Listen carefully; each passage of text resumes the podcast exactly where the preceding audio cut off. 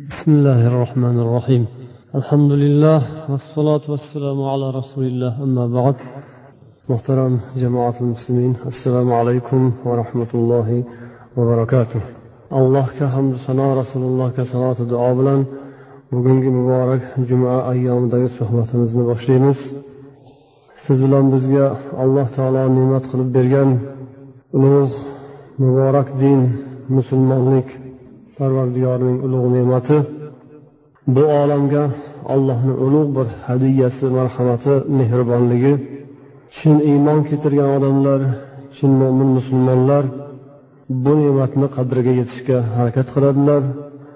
Bu musulmonlikni islomni hayotlariga qanday o'rnashgani bu din, din islomga otalar bobolar ajdodlar qanday xizmatlar qilishgani bu har bir musulmon uchun nihoyatda ahamiyatli narsaki o'shandan ibrat oladilar va o'zlarini yo'llarini adashmasdan to allohni huzuriga allohning roziligiga yetib olishda kerak bo'ladigan ibratlarini rasululloh sollallohu alayhi vasallam hayotlaridan va u kishini zamon saodatlaridan mo'min musulmonlar izlaydilar. Biz din islomni hujjatlarini musulmonlikni yo'l yo'riqlarini o'zimizcha emas balkim qur'oni sunnatdan va o'sha rasululloh sollallohu alayhi vasallam yashagan davr zamondan o'rganamiz. Bugungi suhbatimizda mana shu din islom yo'lida xizmat qilgan ulug' sahobalardan yana birlarini hayotlari bilan qisqacha tanishamiz inshaalloh. Bu kishi sad ibn abi vaqqos rasululloh sollallohu alayhi vasallamga iymon keltirganlarni uchinchilari yoki to'rtinchilari. Payg'ambar alayhissalotu vassalom iymon islomga da'vatlari boshlagan paytda bu kishi yoshlari o'n yetti atrofidagi bir yigitcha ekanlar. Bir kun tush ko'radilar tushlarida qop qorong'i kecha bir zulmat ekan. Juda ham bir dahshatda qo'rqinchda turgan paytlarida osmonda bir charaqlagan oy paydo bo'ldi. Keyin shu oyga qarab yura boshladim deydilar. Bir mahal qarasam yonimda yana uchta odam paydo bo'libdi. Keyin ulardan man so'radim sizlar qachondan bu yoqda bu yerda o'tiribsizlar desam hozirgina keldik biz ham deyishdi. Cho'chib uyg'onib ketdim. O'sha kuni kunduzi qulog'imga muhammad alayhissalom ismlari va u kishi da'vat qilayotgan iymon islom menga ham xabari kelib yetdi va shoshilganimcha payg'ambar muhammad sollallohu alayhi vasallam huzurlariga chopib birinchilar qatorida iymon keltirish musulmonlik sharafiga muyassar bo'lish menga nasib etdi deb keyinchalik xursand bo'lib o'zlari rivoyat qilgan ekanlar. Hali bu kishi borib rasululloh sollallohu alayhi vasallamga iymon keltirgan paytlarida ulardan oldinroq iymon keltirganlar esa hazrati abu bakr siddiq roziyallohu anhu va yana zayd ibn horisa ali ibn abi tolib bulardan oldin iymon keltirganlar va shu kecha o'tgan kecha ko'rgan tushimdagi odamlarni rasululloh sollallohu alayhi vasallamni huzurlarida ko'rdim deydilar. Payg'ambarimiz sollallohu alayhi vasallam bu sad ibn abi vaqqosni islomga iymonga kelganidan juda ham ko'p xursand bo'ldilar. Bu yigitcha o'zini tengdoshlarini yoshlarini ichida aqlliligi og'ir bosonliqligi bilan ajralib turardi. Unda bir hikmat unda bir aqlu farosat o'zgacha ekanini rasululloh sollallohu alayhi vasallam sezardilar. Va agar shu yigitcha islomga kelsa makkada ko'p yoshlarga yaxshi ta'sirini o'tkazib musulmonlarni yoshlarni shu islom diniga mustahkam bo'lishlariga sabab bo'ladiku deb rasululloh umid etardilar. Umidlari ro'yobga chiqib bu kishi musulmon bo'lganda judayam xursand bo'ldilar. Bu yigitlar islomga kelishlariga sabab bo'lgan narsa ularni toza dillari qalblari edi. Ularni qalblarini dillarini alloh taolo o'zi musaffo qilib ato qilgan o'sha zamonni fisqu fasodli sharoitlaridan ular o'zlaricha nafratlanishardi. Hali islomga kelmasdan turib hali payg'ambar sollallohu alayhi vasallamni ko'rmaslaridan turib hali islomni eshitmaslaridan turib o'zi tabiatlari inkor etardi o'shanday ba'zi bir yomon yaramas ishlarni. Odamlardagi buzuq aqidalar e'tiqodlar bidatu xurofotlarni ich iç ichlaridan ular inkor etishardi bunday bo'lishi mumkin emas. Odamzod bunday yashashi mumkin emas. Qayerdandir qandaydir bir yordam kelishi kerak qandaydir bir haq yo'l bo'lishi kerak deb ularni ichlarida bir o'zi sezgi bor edi. O'sha haq yo'lni eshitib ko'rib qolganlaridanoq darhol zudlik bilan hech ikkilanmasdan o'zlarini o'sha yo'lga urdilar. Chunki ular shunday yo'l bo'lishi kerakligini ular sezib shuni izlab yurishardi. Ularni qalblariga shunday muvofiq keladigan ularni ko'ngillaridagi dillaridagi yo'lni alloh taolo ko'rsatgan zahoti chog'i ular darhol xursand bo'lishib bu islom iymonni qabul qilishgan edi.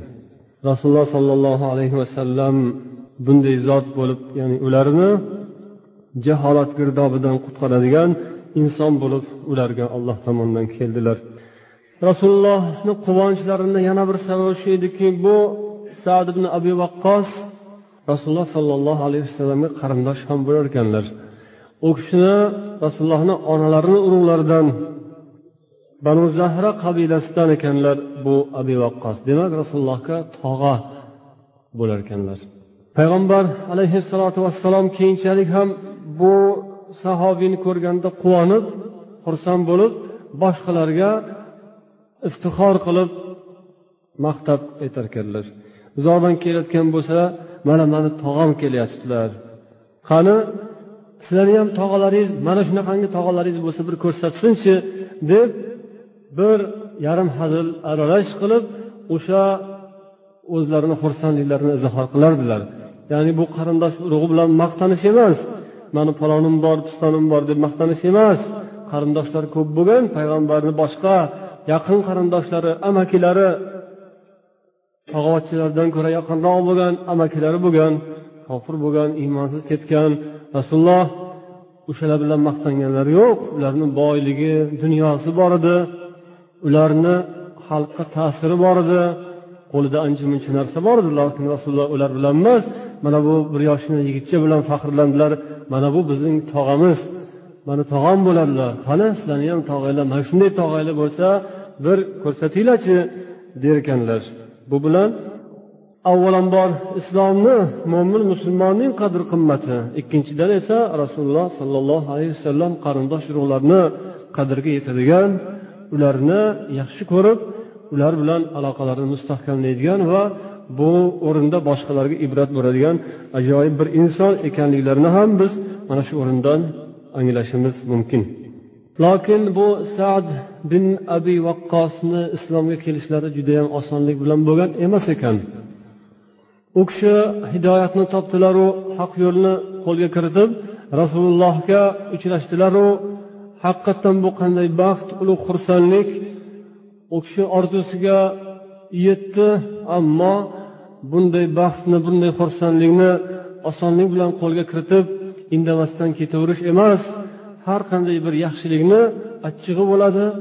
Gulni gul dermi u kishi gulni tikoni bo'lmasa degandek gul ushlagan odam qo'liga tikon kirishi ham bor. Bunday ulug' yo'lni tanlab bunga musharraf bo'lgan odam uchun bu yo'lni mashaqqati ham bor. Buni sinovlari qiynoq azoblari ham bor edi. O'shanday azoblar bu sad bin abi vaqqosni ham chetlab o'tmadi. Bu azob uqubatlarni kattasi u kishini o'zini oilasidan boshlandi. Bu kishini musulmon bo'lgani islomga kirganini eshitgan onasi birinchi bo'lib qarshi chiqdi. Ona bu ona hamma uchun azizu muhtaram zot ayniqsa sad bin abi vaqqos uchun ham judayam bir suyukli zot edi. Chunki u bola o'zi hali islomga kelmasdan oldin juda bir odob axloqli rahmdil shafqatli kimga bo'lsa ham begona bo'lsa ham unga yordam qo'lini cho'zadigan unga bir yaxshilik qilishni chin dildan ich ichidan xohlaydigan odam o'zini onasiga albatta hammadan ko'ra ko'proq yaxshilik qilgisi keladigan onasini judayam yaxshi ko'rardi bu kishi. Lokin o'sha eng yaxshi ko'rgan odami birinchi bo'lib bu kishiga qarshi chiqa boshladi. San qanday bola bo'lding? Bu qilgan ishing qandoq ish bo'ldi? Hech bir odam hech bir insonni bolasi qilmagan ishni qilding san nodon ota bobongni dinidan voz kechib onangni dinidan voz kechdingmi? Otangni dinidan yuz o'girib qandaydir bir yangi dinga kirib ketdingmi? Xudo nomiga qasam agar san shu yo'lingdan qaytmasang shu diningdan qaytmasang ovqat ham yemayman bir qultum suv ham ichmayman bir tishlab non ham yemayman deb turib oldi.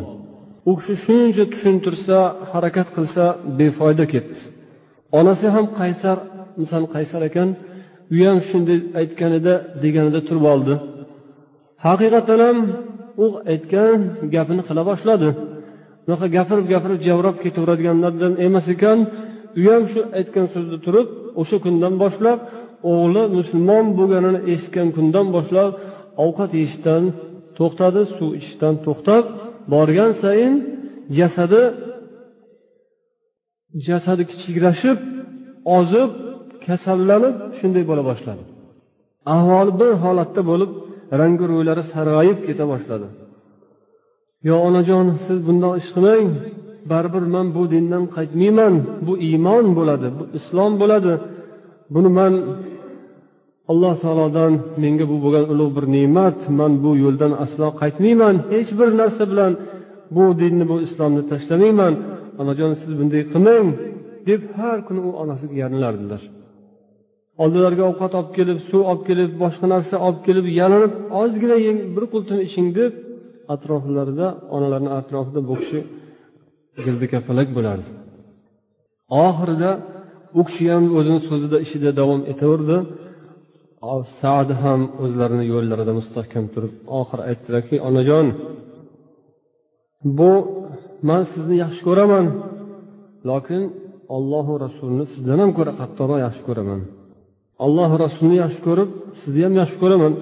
Shuning uchun men ham allohga qasamyod etib aytamanki bu sizda bitta jon ekan. Agar sizni mingta joningiz bo'lsa mingta joningiz ketma ket chiqa boshlasa mingtasi chiqquncha ham man bu dindan qaytmayman. Bitta jon ekanu agar mingta jon ketsa ham bu yo'lda man musulmonlikdan qaytmayman. Man olloh rasulini eng avvalambor olloh rasulini yaxshi ko'raman. Degandan keyin bu gapni eshitib onalari keyin tushundiki ha befoyda ekan. Demak buning qarori qat'iy ekan. Ahdi qat'iy ekan. Shundan keyin u kishi ham so'zidan yo'lidan qaytdi. alloh taolo bular haqida keyin luqmon surasining o'n to'rtinchi oyatini nozil qilgan ekan أعوذ بالله من الشيطان الرجيم بسم الله الرحمن الرحيم ووصينا الإنسان بوالديه حملته أمه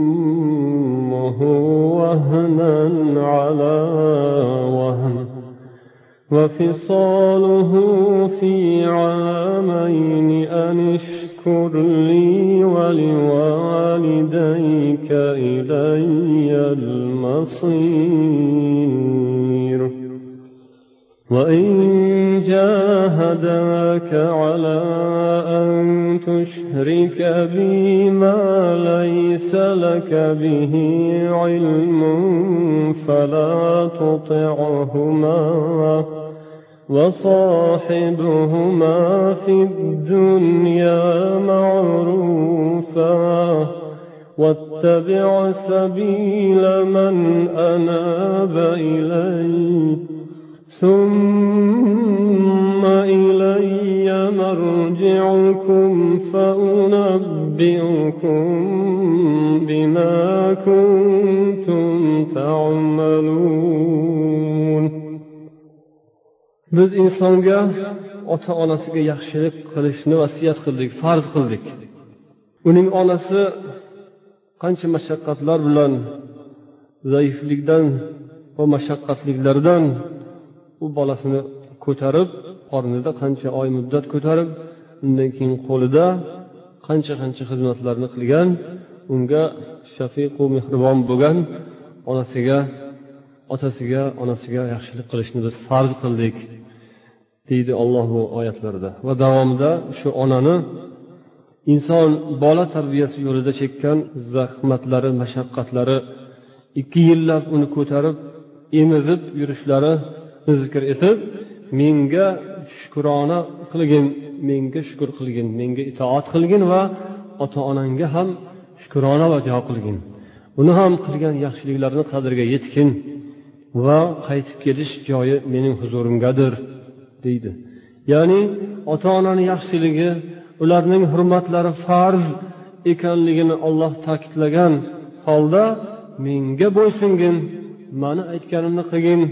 Bu hayotni senga man berganman ota onangni ham man yaratganman ota onangni ham man rizqini berib katta qilib unga farzandni seni man ato qilganman degandek alloh taolo hammanglar oldin manga sig'ininglar. Mani aytganimni qilinglar. Ana undan keyin o'rtalaringizdagi munosabatlar izga tushadi tartibga tushadi. Oxirida mani huzurimga kelasizlar. Sizlarni man hisob kitob qilaman man jazo beraman man mukofot beraman. Boshqa odamni qo'lidan kelmaydi bu deb alloh taolo mana shu oyat bilan ularga javob qildi.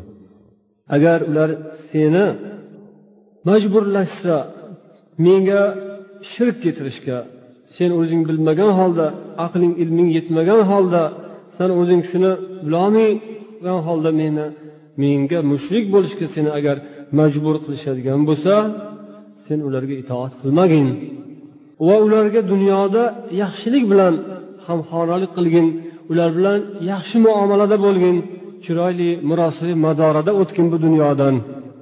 O'rta buzilib janjal nizolarga aylanadigan bo'lmasin. San musulmonsan san iymonlimisan demak iymoningni islomingni chiroyli qilib ko'rsatgin. Isloming iymoningdan mahrum bo'lib qolmasdan ota onangga ham yaxshiligingni qo'ymasdan ularni ko'ngliga yo'l topib ular bilan chiroyli muomalada o'tgin deb olloh buyuradi.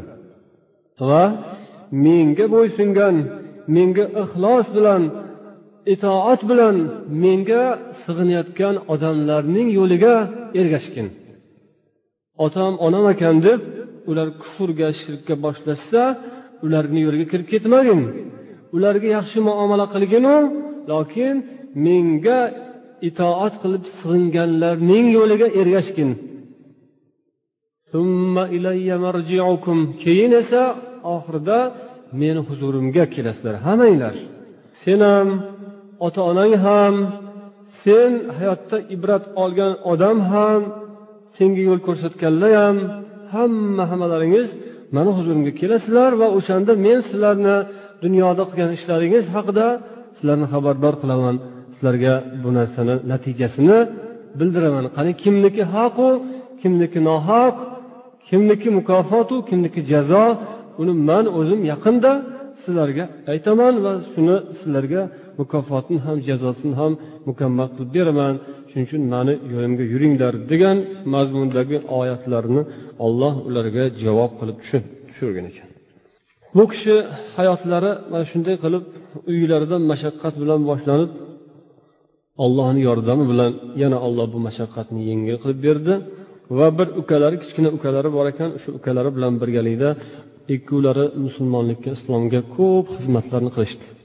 Ukalari yoshgina yigit yosh bola edilar. Bu asnoda badr jangi bo'ldi undan keyin uhud jangi bo'ldi. Badr jangida ham uhud jangida ham bu kishi qatnashdilar. Lokin badr jangida ukalari umayr degan bola edi.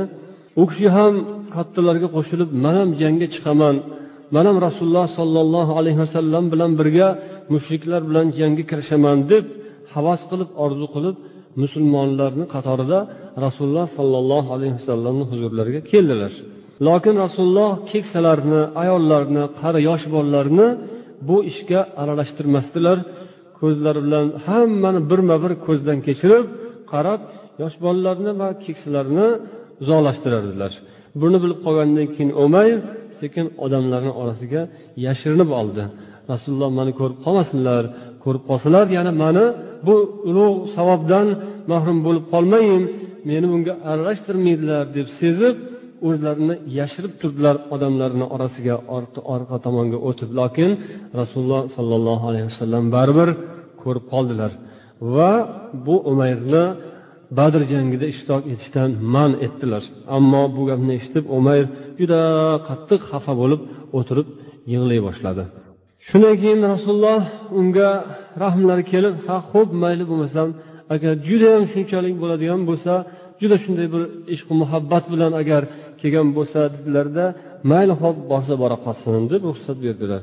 Aka uka ikkovlari juda xursand bo'lishib keyin musulmonlar bilan jangga kirdilar.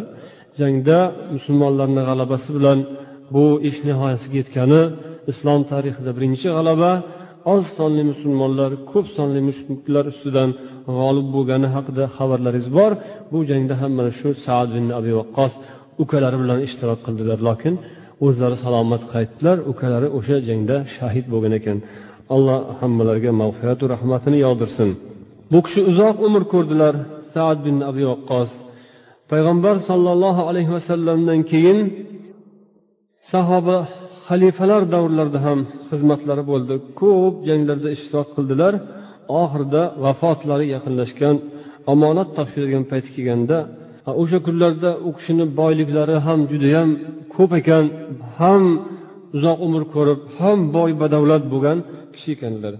Omonat olish jon topshirish yaqinlashayotgan paytida aytgan ekanlarki man o'sha jangda kiygan kiyimimni olib kelinglar o'shandoq ko'minglar o'sha qandoq kiyimim bo'lsa mayli eskib ketgan bo'lsa ham yirtilib yag'ri chiqib ketgan bo'lsa hamki o'sha kiyimim bilan mani kafanlayveringlar man allohni huzuriga o'shandog'imcha bora qolayin deb vasiyat qilgan ekanlar. Ya'ni inson dunyoda qancha mol dunyosi bor mana bu kishini ham. Ba'zi bir dunyoparast molparast odamlar tirigiku tirigi o'ligini ham dabdaba qilib bayram qilib butun dunyoga ko'z ko'z qilib barxutu baxmallar bilan qo'yib bersa atlasu kimxoblar bilan o'zini o'ligini ham yasantirib bezantirib hammani oldida o'ligini ham maqtanchoqlik bilan ko'z ko'z qilishni orzu havas qiladigan odamlar ham yo'q emas. O'lmasdan turib o'ziga qabrlarini sag'analarni yasattirib o'lmasdan o'ziga gumbazlarni har xil toshlardan yaltir yultir go'rlarni tayyorlagan odamlar ham yo'q emas dunyoda. O'shalarni ko'rganingizda u ham odam u ham inson u ham shuncha dabdabasi zibu ziynati bilan baribir dunyodan ketadigan odam. Odam inson lokin insondan insonni farqi bor. Mana bu esa iymonli inson iymonli odamlarni ishi yo'li mana bundoq bo'lar ekan. Alloh taolo bizni shu iymonlilardan ibrat olishimizni nasib etsin. Demak umid etamizki bu hozirgina hikoyalarni qisqacha qilib eslaganimiz saad bin abi vaqqos rasululloh sollallohu alayhi vasallamga juda ko'p sadoqat bilan islomga muhabbat bilan xizmat qilgan allohni baxtli bandalari alloh hammalarini mag'firatiga olsin. Vaqtimizni qolgan qismida yana bir sahobiyni hayotlari bilan sizlarni tanishtiramiz inshaalloh. Bu kishini ismlari habib bin zaydunil ansoriy. U kishidan bu sahobiyni farqlari shundaki u kishini oilalaridan islom bir mashaqqat bilan boshlangan bo'lsa bu kishini oilalari hammasi islom hammasi iymon bilan to'lgan edi. Islomiy iymonli oilada tarbiya topishni xudo bu kishiga nasib etdi. Demak inson taqdiri ollohni ixtiyorida ekan birovga uni sinov birovga bu sinov qilib beradi. Birovni sizlarni ham ishlaringizda bo'ladi ota onalaringiz tomonidan ba'zi bir kelishmovchiliklar bo'lishi mumkin. Ba'zi birovlarni esa maktabida ko'chasida ishxonasida u yerda bu yerda xullas hammaga bir xil emas hammaga o'ziga xos o'ziga yarasha bir nasiba bor hammaga bir sinov imtihon bor. Mana bu sahobiyni sinovlari esa boshqacharoq bo'ldi. Bu kishini oilalari otalari ham onalari ham ikkovlari musulmon bo'lishgan bu kishi go'daklik chog'laridan islomu iymonli bir oilada tarbiya topish sharafiga muyassar bo'lgan sahobiy ismlari habib bin zayd. Onalari nasibatul maziniya degan ayol edilar otalari esa zayd ismlari. Bu kishi onalari ham otalari ham bir e'tiqodli iymonli kishilardan. Rasulullohga eng birinchi bayat qilgan aqaba kechasida yetmishta odam kelib rasululloh sollallohu alayhi vasallamga bayat bergan kishilarni birlari edilar. Avval musulmon bo'lgan kishi edilar otalari. Onalari nasibatul maziniya degan ayol esa islom tarixida birinchi bo'lib qo'liga islom uchun qurol ko'targan ayol kishi bo'lgan ekanlar. Allohni dinini himoyasi va payg'ambarni sharaflarini himoyasi uchun onalari bu kishini alloh taolo ota onalari bilan birga rasululloh sollallohu alayhi vasallam huzurlariga borib katta sahobalar katta yoshli kishilar qo'llarini rasulullohni muborak qo'llariga cho'zib qo'llarini qo'llariga qo'yib bayat berayotganda bu kishini ham jajji kichkina qo'lchalari o'sha katta sahobiylarni qo'llari bilan birga rasululloh sollallohu alayhi vasallamni qo'llariga tegdi. U kishi ham go'dak bo'lib rasulullohga bayat qilgan bo'ldilar va onalari bilan otalari bilan islomda baxtu saodat bilan hayot kechirib o'sha kundan boshlab jonlaridan ham ortiq rasululloh sollallohu alayhi vasallamni yaxshi ko'rib yashay boshladilar. U kishi badr jangida uhud jangida ishtirok qilolmadilar chunki kichkina yosh bola bo'lgandilar. Ammo keyinchalik alloh taolo bu kishiga undan ham ko'ra qattiqroq bir sinovni nasib etgan ekan. Ya'ni hijratni to'qqizinchi yilida rasululloh sollallohu alayhi vasallam makkadan madinaga ko'chib hijrat qilib borganlaridan keyin to'qqizinchi yilda bir musibat yuz beradi. U ham bo'lsa islom kuchlanib musulmonlar quvvatlanib payg'ambar sollallohu alayhi vasallam atrofga da'vatlar yuborib turgan bir paytlari ko'p tomondan qabilalar o'z ixtiyorlari bilan hech qanday urushsiz hech qanday qon to'kishsiz islomga kelib iymonga kelib islomni qabul etib rasulullohni huzurlariga guruh guruh elchilar kela boshlagan bir payt edi. Kunlardan birida banu hanifa degan bir arab qabilalarining elchilari keldi rasulullohni huzurlariga. Kelishib madinaga kirib shaharni bir chetida yuklarini tushirdilar va tuyalarini bir joyga cho'ktirdilarda bir odamni shu yerga qorovul qilib qoldirib o'zlari rasululloh sollallohu alayhi vasallam huzurlariga ketishdi. Payg'ambarni oldilariga borib ular islom iymonlarini arz qilishdi kalima aytishdi rasululloh juda xursand bo'ldilar. Har birlariga alohida alohida hadya sovg'a berdilar rasululloh. Keyin yana bir odam o'sha shaharni chetida bularni yuklarini qo'riqlab qolganini eshitganlaridan keyin unga ham deb alohida bir hadya sovg'a yubordilar. Lokin u odam kim edi? O'sha shaharni chetida yuklarni poylab qolgan odamning ismi musaylama ibnul Havib habib al hanafiy degan odam edi. Nomi musaylima degan odam. Bu musaylima degan odam tarixga juda o'zini qiliqlari bilan kirib kelgan odam. Bu eslaringizda saqlanib qoladi inshaalloh. O'sha odamga ham rasululloh hadyalar yubordilar. Ya'ni ularni kelishi islom bilan kelishdi. Iymon bilan kelgan hisob bo'lishdi. Musulmon bo'lib rasulullohga ro'baro bo'lib islomlarini bildirish uchun kelishgan edi. Bu kishi ham shularni qatorida edi. Ular rasulullohni hadya sovg'alarini qabul qilib keyin orqalariga qaytishdi. Lokin qishloqlarga yetib yetib bormasdan turib u hali musaylima bin musaylima ibn habib degan odam yangicha gap chiqara boshladi. O'zidan o'zi aytdiki man ham payg'ambarman deyishga boshladi. U muhammad payg'ambar bo'lgan bo'lsa man ham payg'ambar bo'ldim. Olloh uni qurayshlarga payg'ambar qilib yuborgan edi.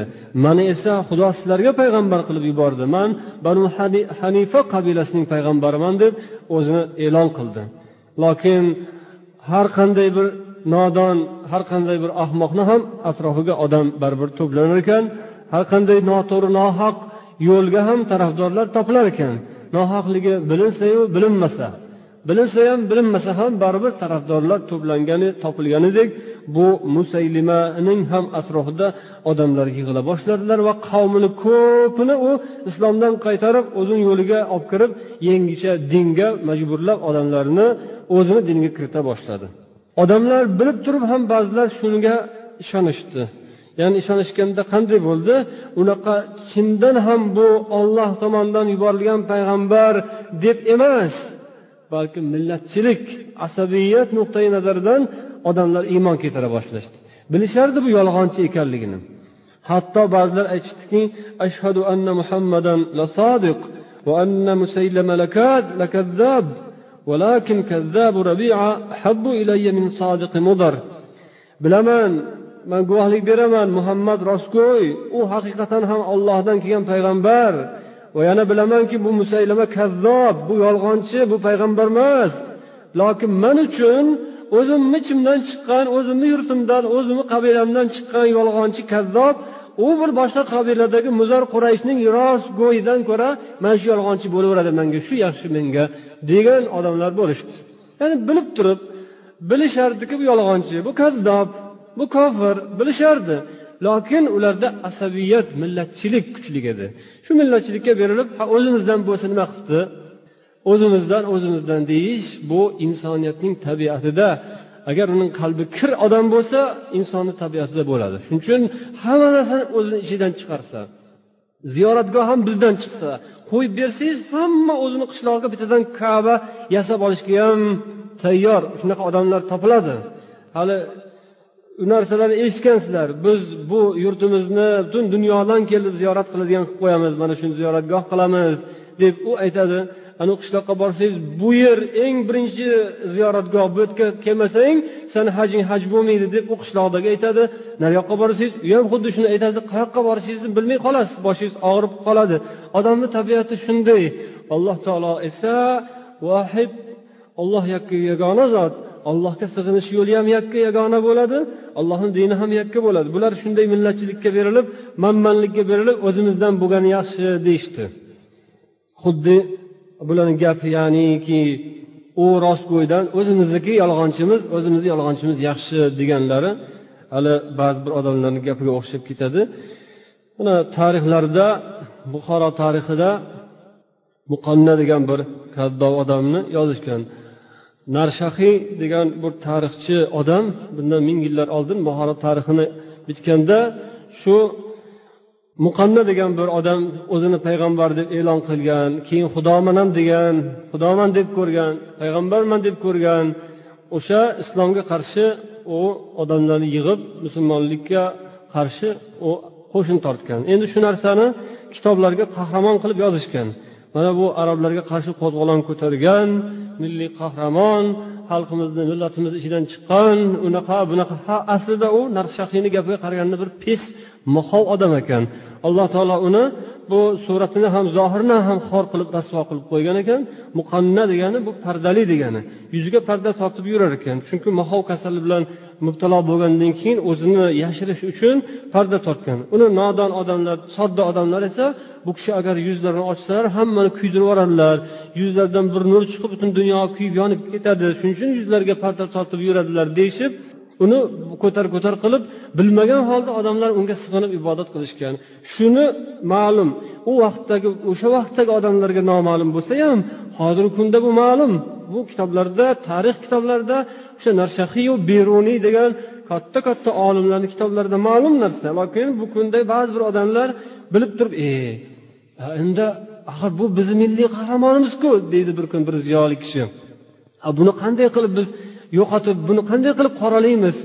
Bu bizni millatdan chiqqan qahramon bu dunyoga mana shu odamku. Ha u mayli ekan pes bo'lsa ham mahov bo'lsa ham mayli.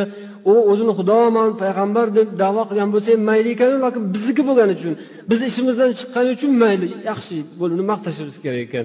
Bu narsa bu millatchilik bu asabiyat manmansirash bu hech qachon yaxshilikka olib kelgan emas odamni iymondan chiqaradi. O'sha musaylimani ham odamlari shunday qilib iymondan chiqdilar.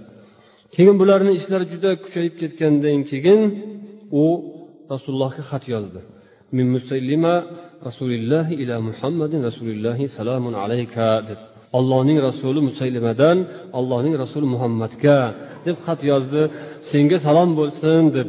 Amma ba'd fa inni qad ushriktu fil amri ma'aka. Men ham sen bilan bu ishga sherik qilindim. Xudo meni senga sherik qilib yubordi. Bizga yerning yarmi tegdi qurayshga yerning yarmi tegdi.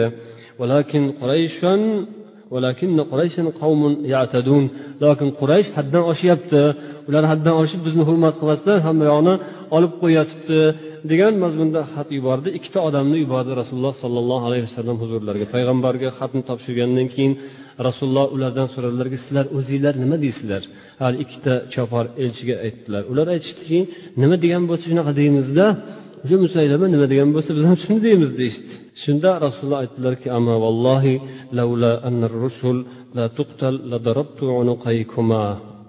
Allohga qasamki agar elchiga o'lim yo'q degan gap bor odat bor shu elchiga o'lim yo'q agar shundoq bo'lmaganda bu gaplaringiz uchun ikkovlaringizni ham boshlaringizni oldirgan bo'lardim dedilar keyin xat yozdilar bismillahi rohmanir rohim min muhammadin rasulillahi ila musaylimatal kazzab assalomu ala man ittaba'al huda أما بعد فإن الأرض لله يورثها من يشاء من عباده والعاقبة للمتقين alloh nomi bilan boshlab aytdilar allohning rasuli muhammaddan kaddob yolg'onchi musaylimaga hidoyatga haq yo'lga ergashganlarga salom bo'lsin dedilar. So'ngra bu yer ollohniki u xohlaganga olloh meros qilib beradi bu yerni. U nima dedi? Yer yarmi seniki yarmi bizniki? Bo'lishib olmoqchi bo'lishdi. Javobida rasululloh aytdilarki yer ya'ni seniki ham emas maniki ham emas. Bu ollohniki olloh xohlagan bandasiga buni meros qilib beradi nasib etadi.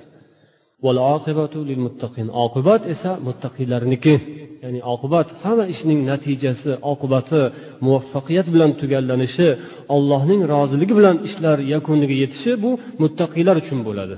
Muttaqiy ollohdan qo'rqadiganlarga bu nasib bo'ladi. Bundan keyin hali ikkita odam xatni olib borib musaylamaga topshirdilar. Musaylamani yomonligi yaramasligi esa yana ham haddan oshib ketdi. Yana ham fisqu fujuri fasodi yana ham tarqalib ketdi. Oxiri rasululloh sollallohu alayhi vasallam bir odamni yuborishga iroda qildilar qasd qildilarki bir odam borib buni ogohlantirsin. Ya'ni bu ish noto'g'ri ish bu nohaq ish bu yo'ldan qaytsin bunaqangi da'volaridan deb payg'ambar bir risola xat yozdilarda va buni olib borib topshirishni o'sha qissamizning qahramoni bo'lgan kim? Eslaridan chiqarib qo'ymadinglarmi? Bu gaplar boshqa bo'lib kim edi? Habib bin zaydga topshirdilar. U kishi o'sha kunda juda kuchga to'lgan yigit edilar. Aqlli e'tiqodlari mustahkam iymonli rasululloh sollallohu alayhi vasallam xatni u kishiga topshirgan zahoti juda ham xursand bo'lib rasulullohdek zot bunday xizmatni o'sha bir yoshgina yigitga ishonib topshirganlari u kishiga bir sharaf edi. Xursand bo'lib darhol xatni olib u kishi yo'l yurdilar yo'lga tushdilar. Uzoq vaqt masofani bosib musaylamani oldiga borib xatni unga topshirdilar. Xatni olib o'qib ko'rgandan keyin rasulullohni nasihatlarini eshitib battar jahli chiqqandan chiqib ketdi. Keyin oyoq qo'lini bog'lab olib kelinglar dedi. U habibni habib bin zaydni oyog'iga og'ir kishanlarni solib olib kelishdi. Zo'rg'a kishanlarni sudrab keyin o'rtaga chiqdi. Butun arkoni davlatiyu hamma yonidagi kazo kazolaru boshqalarni yig'ib keyin uni so'roq qila boshladi. Aytdiki sen bu muhammadni haqiqatdan ham ollohning rasuli deb bilasanmi? dedi. U kishi esa hech o'zgarmasdan hech qo'rqmasdan dovdiramasdan qaltiramasdan javob bera boshladi. Bo'lmasam oyoq qo'li kishanda atrofida hammasi nayzalarini qilichlarini yalang'ochlab bir og'iz so'zini kutib turishibdi. U badbaxt musaylimani bu habib esa hech bir dovdiramasdan naam ashhadu anna muhammadan rasululloh. Guvohlik beraman rasululloh muhammad alayhissalom allohning elchisi u kishi payg'ambar. deb javob bergandan keyin uning yuzlari qizarib jahllari g'azab yana ham qaynab ketdi. Va meni ham ollohning rasuli ekanimga guvohlik berasanmi? deb so'radi. Habib esa uni bir masxara qilgandek nazari ilmagandek ahamiyat ham bermasdan gapingni qulog'im eshitmaydi mani qulog'im sal og'irroq gaplaringni eshitmayapman dedi. Keyin uni jahli chiqib jallodni chaqirdida qani buni badanidan bir parcha kesib olgin dedi. Jallodi kelib bir ro'bara kelgan joyidan qilich bilan bir parchasini kesib yerga tashladi. Keyin yana so'radi muhammad ollohning elchisimi shunday deysanmi? Ha? Muhammad ollohning elchisi. Ashhadu anna muhammadan rasululloh dedi. Va men ham allohning elchisiman. Bunga ham guvohlik berasanmi? Mani qulog'im og'irroq bu gapni yaxshi eshitmayapman dedi. Keyin yana buyurdi yana kes yana kesib bir parcha go'shtni yerga uloqtirdi. Yana so'radi yana shu javob bir xil javob davom etaverdi. Shunday qilib deyarli badanini yarmi yerda yotibdi. Qolgan yarmi esa gapirib yotibdi. Yarmi yerda qoni oqib yotibdi yarmi esa ashhadu anna muhammadan rasululloh deyatibdi. Shunday qilib oxiri nima bo'lardi? Oxiri u odam o'sha yerda shahodat topdi. U kishi shu yerda shahid bo'ldi. Alloh rahmat qilsin. Bu xabarni u kishini onasiga yetkazishdi. Onalari ismlari kim edi? Nasibatul maziniya degan ayol. Bu xabarni yetkazishganda o'g'lingiz shunday bo'ldi. shahid bo'ldi musaylimani qo'lida. Onalari javobi aytgan ekanlarki nima deyish mumkin? Qani ona shunday bo'lganda. Qani o'zinglar bir faraz qilinglarchi? Qani onalar nima deydi bolasi shunday dushman qo'lida halok bo'lgan paytida? Nima desa der endi ayollar tabiatan. Lokin bu kishi aytdilarki min ajli misli hadal mawqif man bolamni mana shuning uchun man tug'ganman. Man bolamni mana shu uchun tug'ib unga tarbiya bergan edim dedi u kishi. Va buni javobini man ollohdan faqatgina kutaman xolos. Men buning uchun ollohdan umid etaman. Olloh menga savobi ajri mukofotini olloh bersin deyman. Mani bolam yoshlik go'daklik chog'ida aqaba degan joyda rasululloh sollallohu alayhi vasallamga bayat bergan edi. Va'da bergan edi rasulullohga. O'sha kichkinagina qo'lchasini cho'zib rasulullohga bayat bergan bolam mana katta bo'lganda ahdiga vafo qildi. U so'zida turdi u iymon bilan ketdi. Man bunga xursandman agar mani bir armonim bor bir orzuim bor xudoyim manga bir imkon bersaydiyu o'sha musaylimani xudo menga ro'bara qilsaydi. Man o'shani bir ko'rsam edim xudo manga shuni imkoniyat berib qo'limda qurol bilan shu musaylimani ko'rsam edi dedi. Oradan ko'p vaqt o'tmasdan alloh taolo bu kishini orzusini amalga oshirib berdi. Bu ayol birinchilar qatorida o'sha musaylimaga qarshi bo'lgan jangga kirgan ekanlar qurol ko'tarib. Va ollohning dushmani qani menga o'sha olloh dushmanini ko'rsatinglar deb borgan joyda oyog'ini tagidan musaylimani o'ligi chiqdi. Shunday qilib u kishi ham murodi maqsadiga yetdi va shunday qilib odamlar bir guruhi jannatga bir guruhi do'zaxga ketdi. Alloh taolo siz bilan bizni jannatlar qatorida bo'lib umrimiz iymon islom bilan islomga sadoqat bilan allohni roziligini topish bilan o'tishini nasib etib allohni huzurida jannatni allohdan nasiba so'raymiz. Allohdan so'raymiz bizga olloh makon jannatdan joy nasib etsin. Subhanakallohumma va bihamdik. Ashhadu an la ilaha illa anta astag'firuka va atubu ilayk.